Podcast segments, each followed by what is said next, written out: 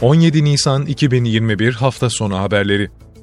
Türkiye günlük koronavirüs tablosu güncel verilerine göre dün 320.078 COVID-19 testi yapıldı, 63.082 kişinin testi pozitif çıktı, 289 kişi hayatını kaybetti, hasta sayısı 2915 oldu.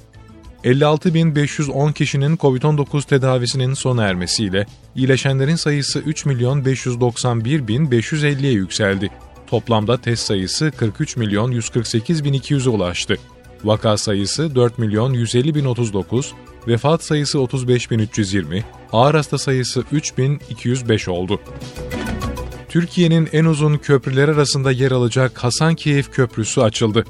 Köprünün açılışını Cumhurbaşkanı Recep Tayyip Erdoğan canlı bağlantıyla yaptı. Hasankeyf 2 köprüsü hem yeni yerine taşınan Hasankeyf'e ulaşımı sağlayacak hem de Batman-Midyat yolunda baraj geçiş sorununa çözüm olacak. Adana'da terör örgütü DH yönelik operasyonda gözaltına alınan yabancı uyruklu 7 şüpheliden ikisi tutuklandı.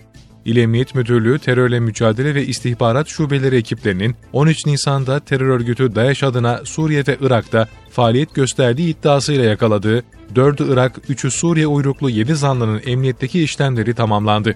Adliyeye sevk edilen zanlılardan Abdülkerim Yusuf Ne ve Yezen El S çıkarıldıkları nöbetçi sulh ceza hakimliğince tutuklandı. Serbest bırakılan diğer zanlılar sınır dışı edilmek üzere İl Göç İdaresi Müdürlüğü'ne gönderildi. Tutuklanan Abdülkerim Yusuf N'nin DAEŞ'in sözde Musul emiri olduğu ileri sürüldü.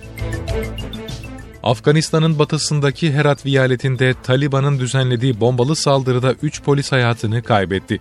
Herat valisi Sayed Vahid Katali, militanların Herat'ın Caşt, Uba, Gülran, Kişk, Kohne ilçelerine de silahlı saldırı düzenlediğini belirtti. İsrail ordusu Gazze şeridindeki bazı noktalara hava saldırısı düzenledi. İsrail ordusuna ait savaş uçakları abluk altındaki Gazze'nin çeşitli bölgelerinde açık alanları hedef aldı. Saldırıda ölen ya da yaralanan olmadı.